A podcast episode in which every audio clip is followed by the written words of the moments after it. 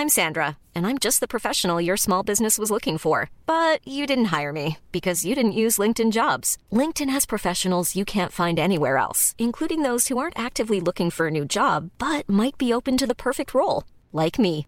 In a given month, over 70% of LinkedIn users don't visit other leading job sites. So if you're not looking on LinkedIn, you'll miss out on great candidates like Sandra. Start hiring professionals like a professional. Post your free job on linkedin.com/people today.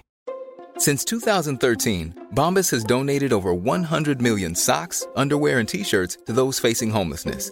If we counted those on air, this ad would last over 1,157 days. But if we counted the time it takes to make a donation possible, it would take just a few clicks. Because every time you make a purchase, Bombas donates an item to someone who needs it. Go to bombas.com slash ACAST and use code ACAST for 20% off your first purchase. That's bombas.com slash ACAST, code ACAST. Är vi sponsrade av 7up i det här avsnittet? Ja, Va? det är vi ju. Du skämtar! Nej, men vi är jätteglada att 7up är med oss och vi pratar om 7up Zero Sugar. Det är Mm. den vi ska snacka om. Ja, det är den jag alltid kör också. Ja. Varför dricka socker när man kan undvika? Nej, men jag fattar ingenting. Nej. Om jag skulle gissa på smaken, Mm. alltså skulle du gissa att det är citron och lime? Ja, men det är ju det som är 7up. Ja, men jag vet, men jag tycker liksom att den är som en egen... Ja, jag förstår vad du menar. För att du kanske tänker mer så här, eftersom den oftast är genomskinlig då, att Mm. man tänker att det ska vara som sockerdricka. Ja, Som Pippi fick ur sitt träd typ. 7up Zero Sugar för mig är en egen smak typ. Ja. Men absolut, om de vill kalla det citron och lime så kan de väl få göra det. Nej, men det finns någonting som är liksom pigga upp som gör det fräscht också Mm. än bara från en liksom vanlig sockerdricka. Just att man får den där eh, lilla limen som Mm. liksom trycker till. Verkligen. Jag vet inte om du har koll på det här, men den funkar att matcha till mat. tycker Mm. jag är jättekul. Ja. Alltså tänk dig en fräsch sommarsallad med lite chèvre, lite rädisor. Mm. Alltså du får det peppriga, du får det här... Fettig från chèvren. Ja, Den är saltig, den är liksom Ja. lite fetare i konsistensen, Exakt. krämig. ja, och jag tror att pepprigt skulle passa bra. Även rucola tror jag Ja. skulle vara jättegott. Rucola till 7up. Mm. Absolut. För då också när du dricker 7up Zero Sugar på massa is Mm. så får du ju någonting som liksom balanserar upp då det peppriga och den här uh, salta fick det härliga i chèvren. Sen kan du också ha lite honung på den salladen också så här, för att balansera sötman i drycken tycker jag. Nej, men det börjar bli varmare. Alltså, jag vill bara ha en god törstsläckare. För mig är det 7up Zero Sugar. Alltså, varför har ni inte budat hem 40 stycken burkar till mig? Jag undrar samma. Ska vi säga tack ens en gång? Jo, Vi gör det ändå, men också en liten uppmaning. verkligen. Ni har min adress. Tack 7up Zero Sugar. Och gud, nu är jag så törstig.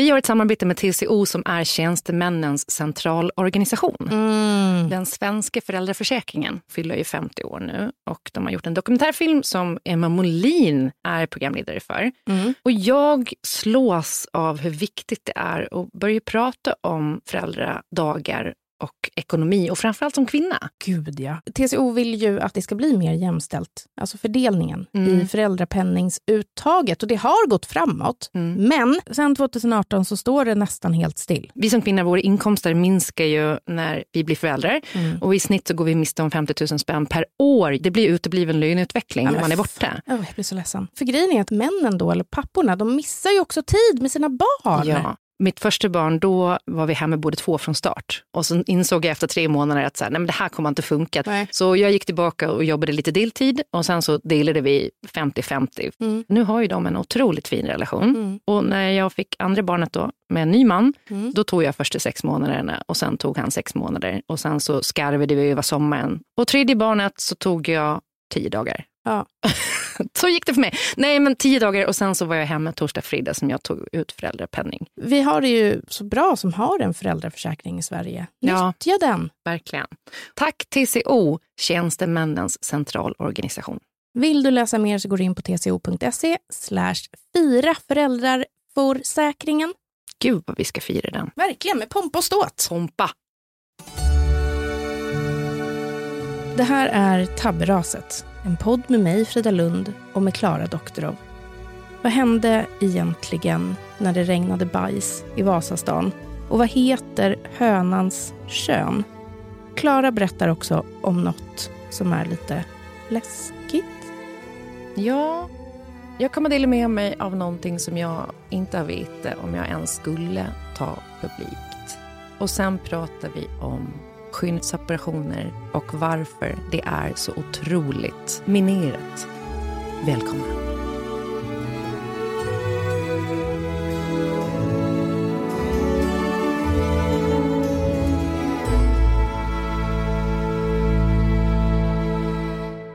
Oh, herregud, jag måste bara landa en sekund innan jag går in i det absolut jobbigaste jag ska prata om. tror jag. Oj.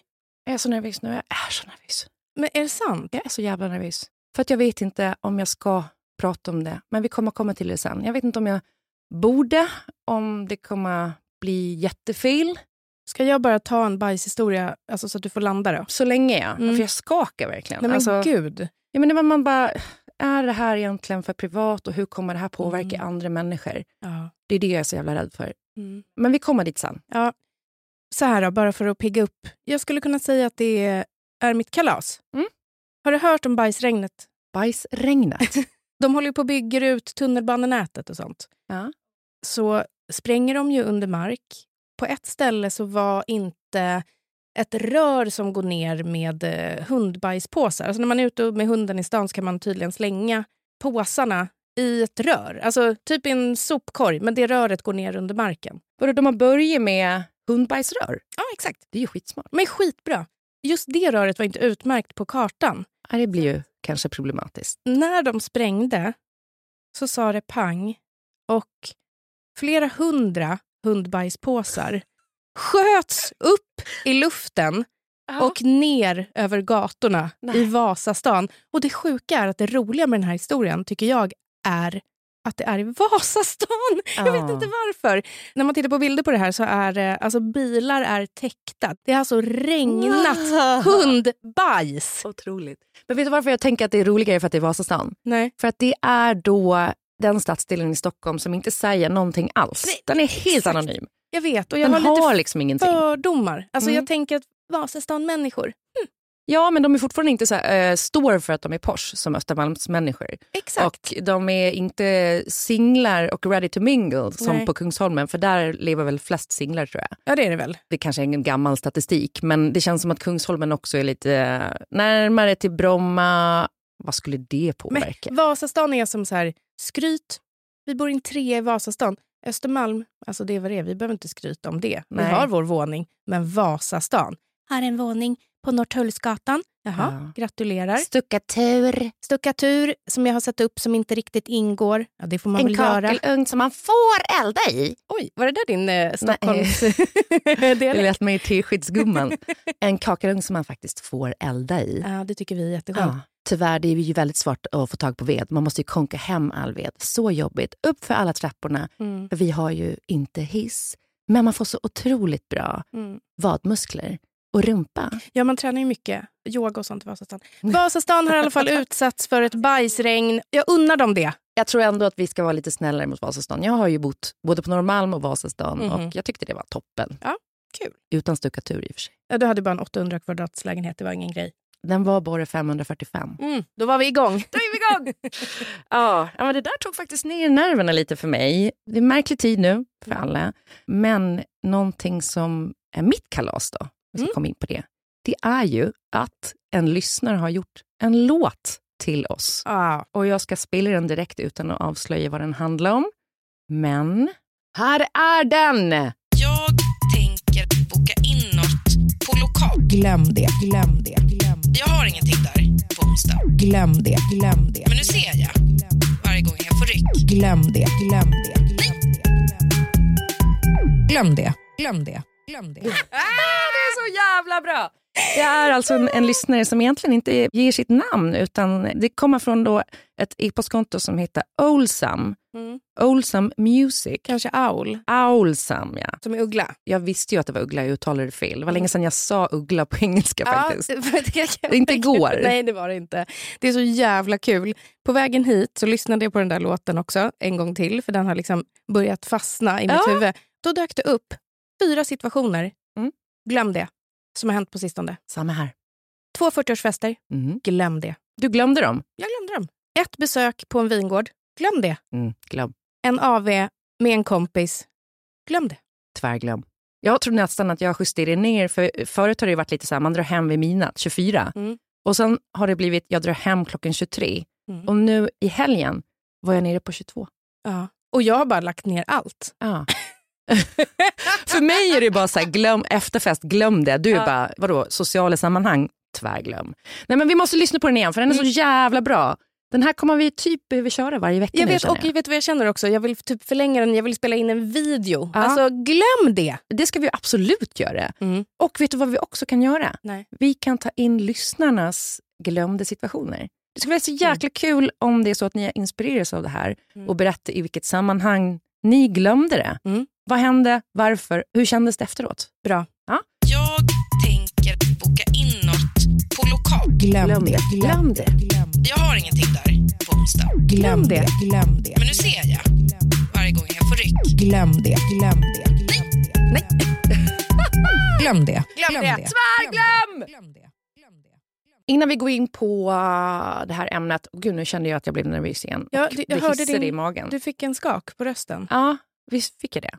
Men eh, så vill jag bara säga att vi har ju lagt ut typ ett första klipp på Instagram ifrån studio och nu filmar vi ju här igen. Mhm. När jag kikade idag så hade över 100 000 Jag vet. tittare. Det är skitkul. Så jävla roligt. Och ni som tittar och följer, glöm inte att gå in och prenumerera på podden. Det Nej, vill man ändå precis. säga. Och tryck liksom tummen upp eller skriv en Ja. kommentar. Det är sånt som... Skriv en review, Precis. för det hjälper oss ju. Ja, men det gör ju det. Och vi tycker ju så mycket om att ni lyssnar, så var inte blyga. Vi fick en synpunkt på klippet från en person som tyckte att när vi pratar om killar och mens, att vi då liksom skapar en trend som inte finns. Där tror jag att det var ett missförstånd mellan henne och mig när vi skrev till varandra i kommentarerna. Men sen så hade hon också en analys och poäng i att kvinnor väldigt ofta lägger mycket fokus i hur män tänker.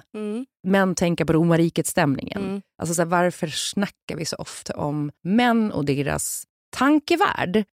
Men det upplever jag i den här podden att vi inte gör. Nej, det tycker faktiskt inte jag. Jag skulle nog snarare säga tvärtom. Vi är väldigt ointresserade av mäns tankar. Ja, men och sen tänker jag också att det ofta finns ett litet uns av ironi. Ja. Jag menar, Kjell är ju en fullt kapabel, bra människa. Det, Verkligen. det handlar inte om att du liksom sätter honom på pottan och tycker att han är en liksom idiotisk man. Det var ju också kul. Och jag tänker att man inte får förväxla humor med... Nej, precis. Alltså man måste kunna så här, skämta om det. Plus att jag kan tycka att det är kul ibland att tänka på hur män tänker. För de är ju dumma på många sätt. Ja, och det är ju i de kontexterna vi har pratat om män. Att Mm. de tänker som små barn eller cirkusapor. Mm. Men menar, princip. vi är ihop med män. Jag älskar min man och du älskar din. Men Ja. de lever ju inte i samma värld som oss. Alltid. Nej, de är i en parallell verklighet. Ja. Väldigt ofta, Ja. faktiskt. Alldeles för ofta. Och ja, det är sjukt att typ våra män som har döttrar aldrig har googlat mens. Men jag måste ändå komma lite till Anders försvar. Eftersom vi försökt skaffa barn i 300 år Ja, så är han otroligt involverad i menscykeln och vet att det är ägget som släpper och att det är det Mm. som blir mensen och sånt. ja, ja, men det är ju bra. Han ska vara tacksam över det. Då. Jag tror dock, för jag har ju försökt samma, för när vi försökte skaffa poppis tog det ju tid och så gav vi upp först och sen väntade vi något år och sen körde vi igen. När min bästa kompis blev gravid så blev man ju lite inspirerad och bara, Mm. vi gör ett sista försök. Och då gick det liksom Mm. på typ första omgången. Men då hade jag också gått igenom det här med Kjell och allt kring förlossning och sådär. Han har ju ändå varit med två gånger nu under Mm. två graviditeter, två förlossningar. Varit liksom super på allting. Ja. Till och med gått så hypnobirth-kurs fastän han hade 40 graders feber och en eh, sepsis. Oj. Satt han där och skakade. Eh, wow. ja. Och sen fick vi åka ilfart till sjukhuset. Ja, en lång story kort med i alla fall. Han har ju glömt allting. Mm. Det är som att det bara går in och ut. Men Glöm det. Mastas bilmodeller, de sitter. Men vet du vad? Här kan jag sympatisera med Kjell. Mm. Det här är som Sveriges, världens historia för mig. Det går inte in. Nej, det När var stenåldern? Nej, det var, ja, 2000 år sedan? 5000 år sedan? ja, men det var väl typ fram till för typ, ja, vad blir det? Fram till bronsåldern va? När var den då? Den var väl typ några tusen år före Kristus antar jag. Mm. Jag alltså, kan inte siffrorna. Jag vet att typ eh, Homo sapiens har funnits i 250 000 år. Ja. Och sen där runt eh, 2000 år före Kristus kanske järnåldern uppstod, eller? Och sen blev det Alltså, det, medeltid. Det pirrar i min mage. Jag tycker att det är roligare med eh, förhistorisk tid, alltså så dinosaurier och så här krita och djura och sådär. Ja, okej. Och sen tycker jag att det är roligt efter 800-talet igen. Ja, okej. Och sen tycker jag att det är så nedslaget typ Egyptens faraoner. Mm. Egyptologi, superkul. Men jag ska bara säga en till kul kommentar då utifrån då att Kjell glömmer grejer som han inte är intresserad av, precis som du. Så är ju jag med. Men det var en tjej som skrev på det här klippet vi la ut att om män tror att man måste ta ut tamponger för att kissa så tror de ju alltså också att man föder barn ur urinröret. jag vet, jag skrattade så mycket åt den. Att allting är liksom ett så här eh, slukhål. Ja. Finns det inte något djur som har så? Allt i samma hål? Jo, det Typ. kanske finns. Ja, jag kommer inte ihåg vad det är, om det är någon ydel eller vad fan det är. Skönt. Men det är bara kiss, bajs, penetration, Höna. allt. Ja, men det kan nog vara hyne. Alltså de är ju, ehm, de har ju en, ehm, vad heter det? Eh, Ja, det är fan hyne. men vad fan heter det nu då? Det är inte, inte så av, är, av, är avslag ur... Nej, vänta, vänta, vänta, vänta, vänta, vänta, vänta, vänta. Hönor, Jag ska söka på hönor- hyn, hynans hönans kön. kön. Hönan har en kran. Nej, hon har en, hon har en, det är en, en Det är in, inte någonting med avlopp, ett, men Jo, men exakt, typ ett rör. Hon har en, eh, hönan, eh, hönans fitta är också hynans kön.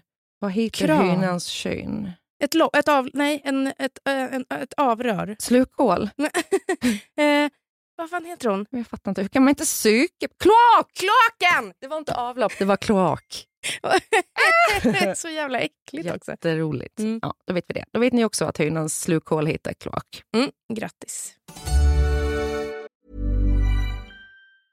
Many of us have those stubborn pounds that seem impossible to lose, no matter how good we eat or how hard we work out. My solution is PlushCare. PlushCare is a leading telehealth provider with doctors who are there for you day and night to partner with you in your weight loss journey. They can prescribe FDA-approved weight loss medications like Wagovi and Zepbound for those who qualify. Plus, they accept most insurance plans. To get started, visit plushcare.com slash weight loss. That's plushcare.com slash weight loss. Even when we're on a budget, we still deserve nice things. Quince is a place to scoop up stunning high-end goods for 50 to 80% less than similar brands. They have buttery soft cashmere sweaters starting at $50, luxurious Italian leather bags, and so much more.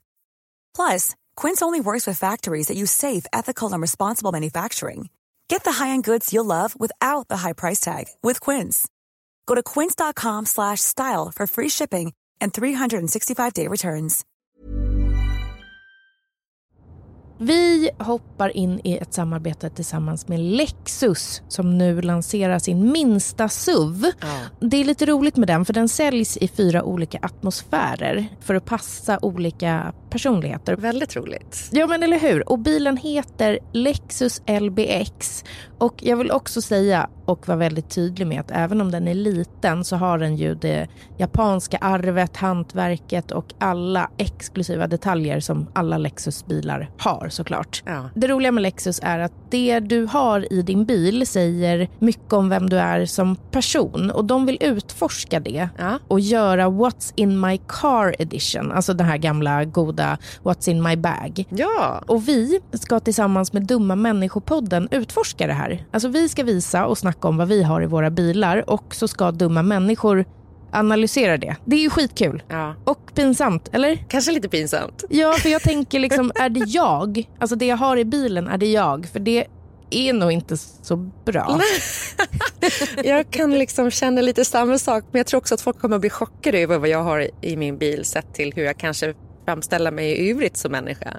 Så att det är spännande faktiskt. Innan vi kommer in på vad vi har i våra bilar så måste vi prata om att då igelhybriden Lexus LBX har olika atmosfärer så att man kan liksom beställa beroende på sin personlighet. Och de atmosfärerna som finns att välja mellan är elegant, relax, emotion och cool.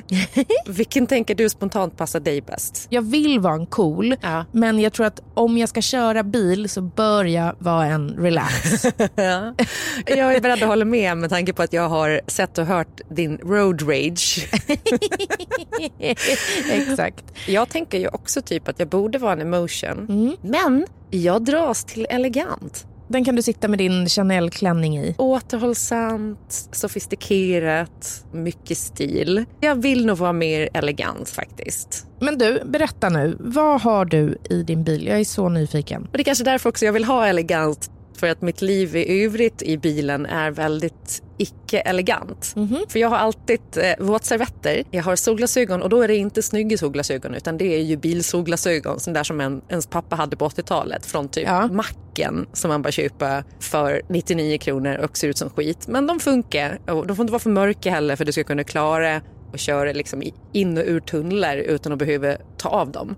Just det. Och sen har jag alltid minst tre sån här eh, återanvändningsbara plastkassar som man handlar med. För att nu är ju plastpåsar så sanslöst dyrt. Jag har alltid extra blöjor och en sån här liten plastgreja som gör att man kan få loss en kundvagn på ICA. Wow. Ja men vadå, har inte du alltid det i bilen? Nej, jag blir jätteavundsjuk. Det jag har i min bil kommer vara ett sånt jävla nedköp. Jag är jätterädd nu för hur dumma människor ska tolka. Ja, förutom det, hundbädd och extra koppel till hunden. För det är ju ofta man slänger in hunden och så glömmer man kopplet och så finns det ett extra där. Vad har du då? Ja, men. Jag, jag har ju bara tomma grejer i min bil. Alltså godispapper. en vattenflaska ligger alltid i dörren med en liten slatt. Ja. Och då vet jag inte liksom hur länge den har legat där. Läppglans, alltså för det har jag tappat ner eller slängt ner när jag liksom är stressad när jag kör och inte kan liksom titta då åt sidan så bara kastar jag iväg det någonstans. Ja. Ibland har jag en torr våtservett, men det är sällan jag har liksom ett helt paket. Och sen har jag alltid en tom godispåse och en slatt med gammalt kaffe. Nu finns avsnittet med dumma människor uh, där de analyserar vad vi har i våra bilar. Där poddar finns. Gå in och lyssna nu. Stort tack Lexus! Tack Lexus.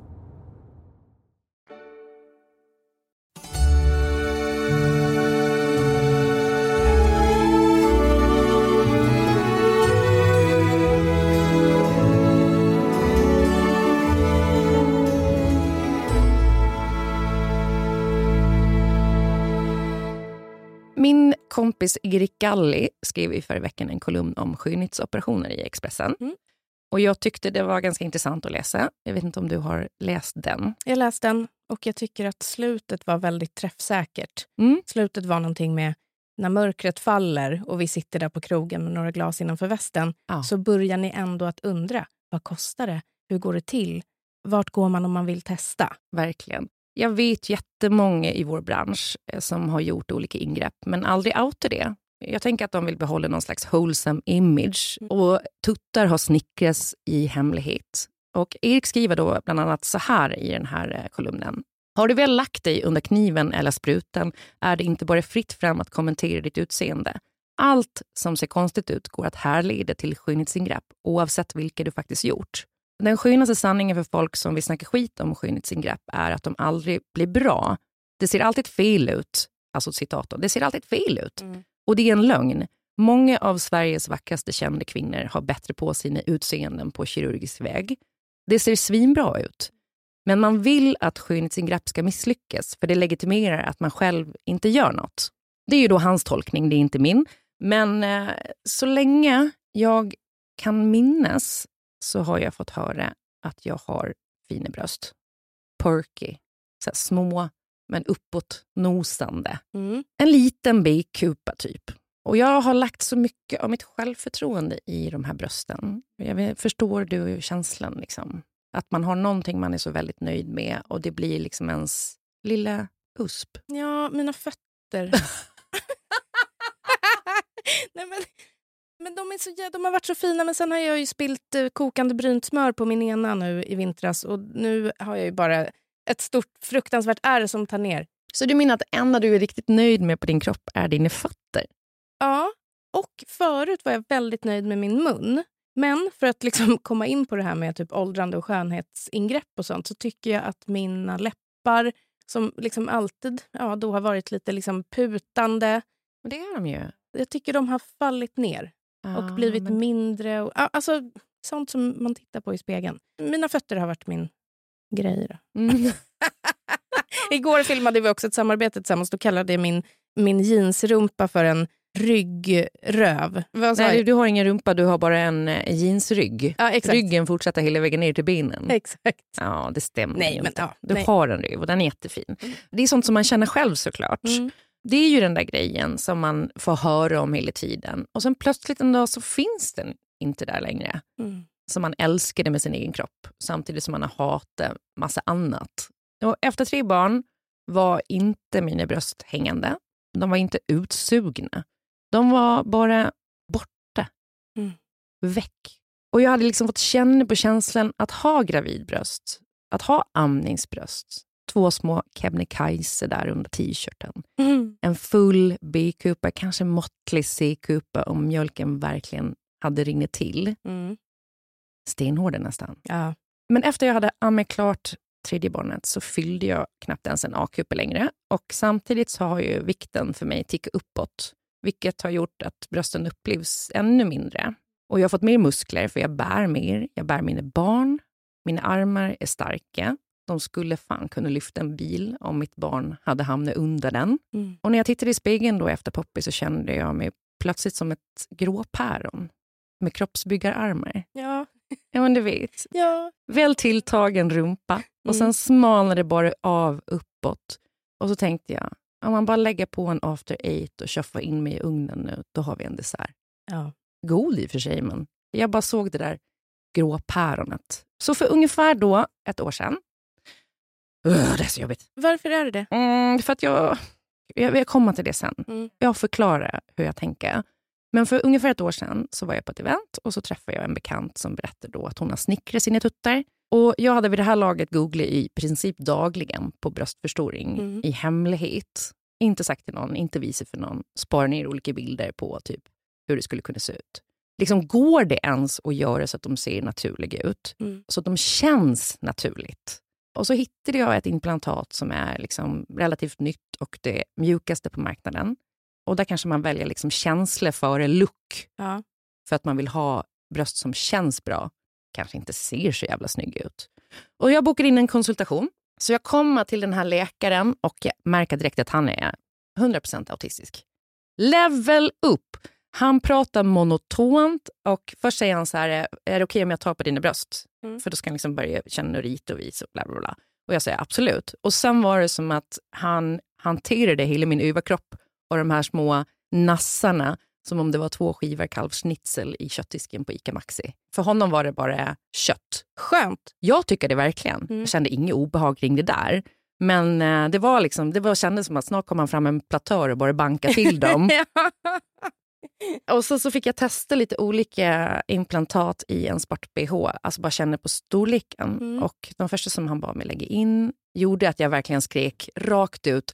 Glöm det! Glöm det, glöm det, glöm det. Glöm det, glöm det.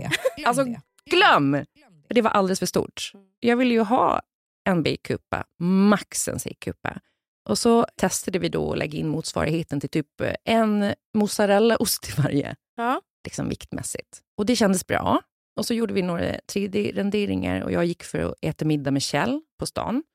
Och så visade de här bilderna. Och jag hade väl sagt att jag skulle gå på en konsultation, men vi hade inte pratat jättemycket om det här. Mm. Och han säger, ja men glöm det, såklart. Glöm. Mm. Och jag säger, ja men jag tror inte att jag bryr mig om vad du tycker. Och så bestämde jag mig över natt egentligen. Och det är ju det här jag kommer till liksom igen då. För mig var det ju faktiskt den här bekante som pushade beslutet över tröskeln. Hon hade gjort och hon var nöjd och eh, det blev fint. Och det är ju även därför jag tvivlar på att jag ska dela det här med våra lyssnare. För att jag vill ju inte vara den som pushar andra över sina trösklar. Mm. Jag vill också tillägga att tuttarna, de är sköna. De känns bra. De är inte snyggare än förut. Mina förra tuttar var nog snyggare. Men nu är de där. Och så två veckor senare så sitter jag då i en taxi till den här kliniken och jag är nervös som satan. Mm. Och snitten gjorde vi i armhålan. Jag ville ha implantatet utanpå och inte under muskeln. Mm. För då rör det sig mer med kroppen och sådär. Och trillar neråt med tiden. Ja. Jag vill typ ha hängbröst. Det var det Ja. jag sa till honom. Jag vill hellre ha hängbröst. Jag vill inte ha så här eh, bollar. Vilket är roligt för nu kallar Poppy mina bröst för bollarna. Men det tror jag att hon kallar alla bröst för. Ja. Och de är inte bollar. De är faktiskt lite hängiga. Och jag gillar hänget liksom. Mm. Fylligt häng. Lite mer fylligt häng, ja. Och när jag vaknar ur den här narkosen så är det första jag frågar sköterskan, kan jag tävla i Jeopardy om tre dagar? alltså helt groggy. Hon bara, du kanske ska börja med att kissa. Ska vi se om du kan gå på toaletten? Jag bara, kan jag tävla i Jeopardy om tre dagar? För jag ska vara med i Jeopardy. Och hon säger, jo men då ska du inte ta de här eh, opioiderna mot verken för du kommer bli helt dum i huvudet av dem Mm. Och inte tänka. Så ja, okej, då vet jag. På fredagen så står jag där i Jeopardy-studion och kallsvettas. Och jag har inte orkat fixa med styling och jag är tvungen att hitta kläder som täcker all tejp som jag har då runt brösten och är snurrig. Men jag går vidare till semifinal och under helgen så rattar jag hela familjens magsjuka och på måndagen tävlar jag i semifinalen och i finalen vinner jag. De här tårarna som kom i slutet då, Mm. när Micke Tornvik säger Klara Doktorov, du är stormästare i Jeopardy. Mm. Och jag tog grina. Ja, det kommer ju ett ljud från dig då som är så äkta på något sätt. Ja. Alltså det är bara... Jag har tänkt på det när jag sett det, att det verkligen... Det där kunde du inte kontrollera. Nej, jag var nyopererad utan värktabletter, sömndepriverad efter en magsjuk helg med familjen där jag bara har ratte. Och också, det har vi pratat om tidigare, men när jag kommer in då på måndagen så vill ju ingen sminka mig Nej. för att jag har magsjuka hemma, även om jag är frisk. Mm. Så jag får sminka mig själv. Ja. Och jag får inte typ vara i samma rum som de andra, i princip. Jag är så här lite lätt isolerad från Ja. de andra. Jag är ju helt i chock där. Och det är ju delvis också för att jag har drömt om att bli stormästare under hela min barndom. Mm. Men också för att jag eh, var helt väck. Och sen kom jag hem, och det här är ännu mer bisarrt.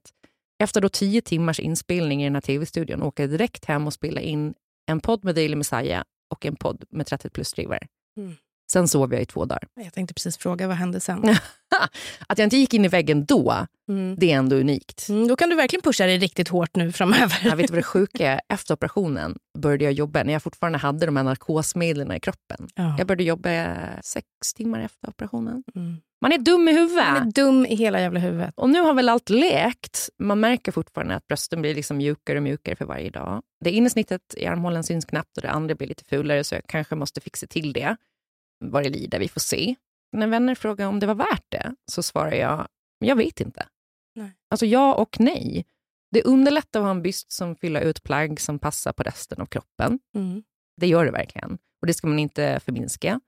Att hitta bh som passar både runt min överkropp Mm. för jag har ganska mycket lungor. Alltså, nu kommer det kanske... Nej, inte skatta, men jag, jag vann eh, tävling, en tävling i min skola, Solbergaskolan, Aha. när vi testade lungkapacitet. Mhm. Och jag hade bäst lungkapacitet i hela skolan. Grattis. Alltså mina lungor är så stora. Ja, och starka. Det är de inte. Men de är stora. Jag, får in, jag får in mycket luft i de här jävla Ja. lungorna. Ja. Otroligt ju. Så det gör ju att när man då ska köpa bh när man har knappt en A-kupa och så ska man hitta runt, för varje gång du tar upp storleken så du kanske vill ha typ 80 eller 85 runt, då gör de också kupstorleken större, Ja. de jävlarna. Mm. För de fattar ingenting Nej. som gör bh för det mesta. Skitsamma, de är ju inte perfekta och de är ju inte jätte, jättesnygga. Men jag känner mig sexig för mig själv. Men jag vet ju också att Kjell inte tycker att silikontuttar är så sexigt. Och det har ju varit en spärr för mig, att han inte ska gilla dem. Han säger att han gillar dem. Men det jag kämpar med allra mest är ju tankarna kring vad andra ska tycka. Jag vill inte vara en sån där tjej som opererar tuttarna, osäker, som inte visar stretch marks på Instagram och äger sina urlakade elefantöron som man kan lägga upp i kors över axlarna som en jävla halternecktopp. För obs, det har varit min mammas partytrick. Är det sant? Hon kan ta dem och lägga upp dem över axlarna. Ja. Men det är fan inte alla som kan ändå. Nej. Och jag vill också tillägga att jag kommer från en familj där alla kvinnor har tits. Mm. Jag var den enda som inte fick några. Jag Nej. fick aldrig tits. Nej. De kom liksom inte. När jag berättar för vänner om ingreppet då, så vill de se hur det ser ut och jag visar gärna. Men många har liksom rynkor på pannan lite skeptiskt och sagt så här, "Men du var så fin innan. Mm. Och jag känner att jag blir dömd. Och det gör mig ju lite liten och det gör mig osäker. Och jag slätar över det då och säger, men jag vet fan inte om det var värt det ändå. Och haha, kul att testa, kanske tar ut dem sen. Vi Mm. får se. Typ som att min kropp skulle vara liksom någon Ja. slags hobby. Liksom, alltså du vet, Nej, bara... men att vi, bara, vi då, dina vänner, får titta och säga så här, nej men hurru. Och så ska du bara, ja nej men absolut, det, det har du rätt i. Jag, jag, jag går och tar ut. jag, jag tror inte att det hjälper mig när folk säger du var ju så fin förut. För nu är det för sent. Ja. Alltså jag kan ju ta ut dem. Jag tror faktiskt när folk säger sådär så menar de inget illa. Utan, Nej. Alltså dina bröst, jag har ju sett dem. Ja. De är riktigt snygga. Jag vet inte hur de såg ut innan. När du ska få se en bild sen så... Ja, men jag gissar på att det här är snyggare för de är svinsnygga. Alltså jag kan inte se hur ett par bröst kan vara snyggare. Nu menar jag inte, liksom, det här kanske också blir fel, men jag tror att när folk säger så här, men du var så fin förut, Mm. då menar man bara, "Eh, jag älskade dig innan också, men men nu har du gjort det här. Och man kanske tänker att man sårar om man säger typ så här, wow! Mm. För då kanske din kompis tror att du tror att innan så var dina bröst skitfula. Alltså jag förstår vad du menar också. Men jag fattar att det man- kan vara så här, sårande. det är fint med, det är fint utan. Så här. Och det är ju bara bröst såklart. Jag kan känna också sen när du säger att de är skitsnygga. Jag hade nog velat haft dem lite plattare. Mm. Förstår du vad jag menar? Man väljer ju inte bara ett implantat som ska passa breddmässigt och hur stora man vill att de ska bli. Men också typ hur mycket de står ut från kroppen. Ja, okej. Och där kanske jag skulle ha tagit den absolut lägsta projektionen. Men den sa då den här autistiska kirurgen skulle göra typ att mina tuttar vek sig huvudet, alltså på något konstigt Ja. sätt. Så vi gjorde nog det bästa utifrån mina förutsättningar. Och jag kan ju fortfarande typ ha alla mina bh Mm. som jag hade när jag var gravid och när jag ammade och, och sådär. Mm. Men jag inser att ett par silikonbröst är fan inte bara ett par silikonbröst. Det är ett litet vittnesmål. Det misstänkte brottet. Kvinna lägger sig platt inför den manliga blicken. Kvinna smörjer kugghjulen i patriarkatet. Kvinnan är lurad. Hon är dum. Omgivningsstraff gör ju att jag inte riktigt kan njuta av brösten. För nu är jag en tuttfia. Jag är praktiskt taget en jävla Kardashian när jag säger det här nu. Mm. Och det kommer vara som Erik säger. Man kommer lita. Man kommer gå in på min Instagram nu och titta. Vad har du mer gjort? Det är det man kommer vilja veta. Blev det bra? Blev det snyggt då? Mm. Hur såg hon ut innan? Mm. Ja, men du hade ju bröst innan. Mm. Ja, jag hade bröst innan, men nu har jag mer bröst. Mm. Och det är väl bara så det är. Och så läser jag vidare då i, i Gallix, den här eh, kolumnen, och han skriver Folk vill ofta prata ingrepp med mig och då får jag höra om andra skäl till varför de låter bli. Det handlar om moral, säger de. En slags stoicism. Jag är bättre än det där. Eller ett ansvar. Vilket budskap sänder jag till mina medmänniskor? Och sen skriver han då i slutet, det du pratade om i början. När kvällen blir sen och vinet är i er så förändras ni. Era stoiska ansikten mjuknar. Ögonen blir drömska och frågorna nyfikna. Vad kostar det? Hur går det till? Ni vill också. Ni bara vågar inte. Eller så har ni inte råd. Med påhittade principer sätter ni er över det här. Men jag har sett er sanna jag. Mm. Och det bisarra då, när jag läser det här, är att jag har upplevt exakt samma sak. Särskilt från de som då har ifrågasatt den här operationen Mm. allra mest. Det är så sjukt. Ja, det är så sjukt. De som vill det mest är de som kritiserar det Mm. mest. Och det är ofta kvinnor. Ja. Mm. Vad beror det på? Jag tror att man hamnar i någon... Nu menar inte jag att trivialisera ingrepp oavsett om det är liksom tuttar eller botox eller någonting. Men jag kan tänka mig att man hamnar i något, om man aldrig har gjort något, att Nej. det är lite så här, nej men jag har aldrig gjort någonting. Att det ska vara fint och vara naturligt? Och... Ja men exakt. Och gör jag minsta lilla då, så har jag ju börjat. Och då kan jag ju aldrig säga, jag har aldrig gjort något. Precis som man säger, Mm. att det är någonting att vara stolt över och skryta med. Det här är ju ett ämne som är på riktigt svårt, för jag står med liksom fötter på två olika ställen. Det är ju säkert du också. Ja, verkligen. I det här att så här, fan, kvinnor får väl göra vad fan de vill. Och varför ska vi operera våra kroppar för att se snyggare ut? De två grejerna går inte ihop. Det blir error i huvudet. Men om jag liksom ser verkligen så här långt in i mig själv så tror jag liksom min handfasta åsikt är gör det du vill göra med din kropp. Mm. Det är du som bestämmer. Men verkligen, man kommer ju också bli bedömd ut efter det. Så är det. Och jag tror att det är därför många så här, håller det väldigt privat. Då leder det väl kanske också till ett svåruppnåeligt mål för många. Mm. Att så här, ja, hon har klämt ut tre barn och, och har sådär bra tuttar. För ingen vet att de är fejk. Precis. Och det där ser jag hela tiden när jag vet liksom, med människor som har gjort operationer och som inte är öppna med det. Men det är också vi säger utifrån varför ska vi ändra på våra kroppar? för mig var det hundra, förutom det då med att jag tycker att det faktiskt är ganska soft att ha en byst som matchar min överkropp och mina jättestora lungor och mina relativt breda axlar, Mm. så är det bara sexuellt. För mig är det bara sexuellt och det är inte för att en man ska tända på mig. Mm. Det är för att jag tänder på bröst. Mm. Jag tycker bröst är sexigt. Och jag vill ha sex. Alltså jag, jag vill ha en handfull tutte liksom. På mig själv. Det är inte många som säger det som en av anledningarna. Det här är så hemskt, för att det här handlar ju om att om du som kvinna gör ett ingrepp så måste du stå till svars. Mm. Alltså varför har du gjort det här? Ja. Berätta. Jo, jag har fött tre barn och plötsligt så hade jag inga tuttar kvar eller jag hade liksom massa skinn på magen. Alltså det handlar bara om det. Kan man inte då få säga som du gör nu? Jag tycker att det är sexigt, jag vill ha sexiga bröst. De tuttarna jag hade innan är ju snyggare än de jag har nu om jag skulle bara se rent liksom visuellt. Mm. De var snygga. Mm. Men nu blir jag kåt på dem. Förstår du? Ja. Nu tycker jag att de eh, pirrar till. Alltså det, ja, ja, jag vet inte. Jag gillar själv att ha knulliga bröst. Ja. Och jag märker också det när man liksom i perioder kollar på vuxenfilm. Ingen stor konsument av liksom porr, men att man eh, väldigt gärna vill ha sensuellt och tuttigt. Mhm. I like that. Jag ska inte gå in på min kategori där. Men, men, eh, Är det fötter? Nej! Det är inte det. Alltså jag svär. Svär på allt. inte fötter. Nej, okej. Jag Ja. kan säga det off. Men eh, jag kommer verkligen inte säga det på podden. Men, men jag släpper vi det.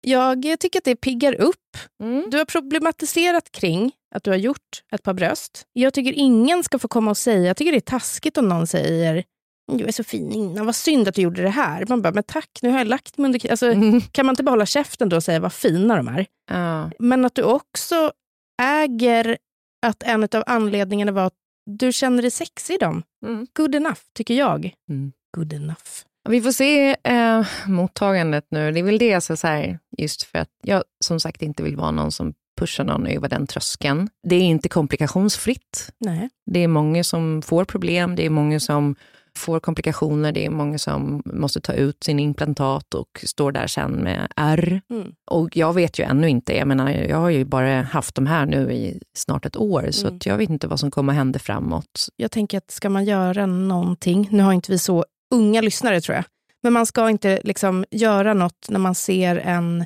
20-årig tjej på Instagram göra reklam för att åka ner till Turkiet och fylla röven med fett. Nej. Man ska vara vuxen. Man ska inte göra det när man är 18 år. Man Nej. ska vänta, man ska vara vuxen. Man ska gå till en plats där det finns kompetenta kirurger. Man ska aldrig ta en genväg när det gäller operationer. Och inte heller snåla där. Nej. För att det är viktigt att liksom vända sig till rätt. Har du inte råd att göra det på ett bra sätt, då gör du det inte förrän du har råd. Verkligen. Ja men vad fan, det, det var... Har vi någon kul eh, utgång på det här då? Ehm, Vänta nu, nu såg jag bara ut efterfrån att vi pratade om hynans kloak. Mm. Kan en hyna byta kön? Ah, ungefär var tiotusende hönsägg som kläcks och hoppar en tvåkönad så kallad gynandromorf kyckling ut. En gynandromorf kyckling är helt enkelt hane på insidan, till exempel på den högra och hone på den andra. Wow. Fenomenet har länge varit en gåta för vetenskapen. Har de en halv tuppkam? Nej, jag kissar på mig. Jag skulle behöva operera det där. det, är det, det, det är ditt fokus? Vad fan. Den gal här. Och sen tar det stopp. Ja. Fan känner med hönorna ändå. Kloak. Mm, Vilket straff va? verkligen. Få- Eller så är det svinsoft. Nej, det är inte soft. Jag vill inte ha en jävla kloak. Jag är glad för mina tre, fyra hål. Jag kan säga att efter min sista förlossning så är det fan ett mirakel att jag inte har en kloak. För det var väldigt nära att allt bara... Ja. Revs upp. Men eh, för det tackar vi idag och Mm. vi är tillbaka på fredag med tabbetipset. Jag hoppas att ni snällt tolkar det jag har sagt nu och eh, ja, ni får väl tycka vad fan ni vill. Ja, men vet du vad? Ni som lyssnar som tycker något, slida fan inte in på Klaras DM och tyck. Ja, men gör inte det. Ah, jag kommer kanske inte läsa det Nej. oavsett. Vet du vad jag också har märkt? Nej. Man kan konsumera mindre porr Ja. när man- kan vara den själv. Förstår du? Mm. Man kan filma sig, Google... man kan filma sig själv. Alltså inte som att man är en sån som blir kåt på en själv. Men ah, Skitsamma! Vadå? Vi eh, hörs... Spegelrunk. Ja, vi hörs verkligen. Vad är det han? Narcissus? Nej, han som eh, blev kär i sig själv. I sin egen spegelbild. Jag vet inte. Ja. Skitsamma. Många män helt enkelt. Ja, verkligen. Vi, eh, Vi hörs på fredag. Puss, puss. Hej, hej. In och prenumerera och tyck till om podden. Så kanske Klara visar tuttarna. Mm.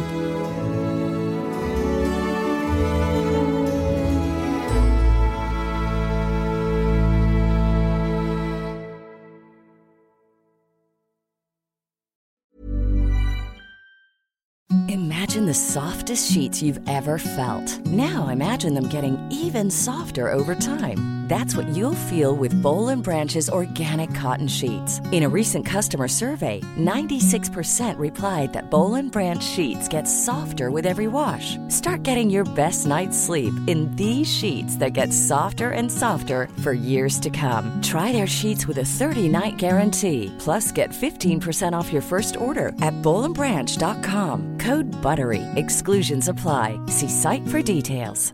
Hi, I'm Daniel, founder of Pretty Litter. Did you know cats tend to hide symptoms of sickness and pain? I learned this the hard way after losing my cat, Gingy. So I created Pretty Litter, a health monitoring litter that helps detect early signs of illness by changing colors, saving you money and potentially your cat's life. Pretty Litter is veterinarian developed, and it's the easiest way to keep tabs on your fur baby's health right at home. Go to prettylitter.com and use code ACAST for 20% off your first order and a free cat toy. Terms and conditions apply. See site for details.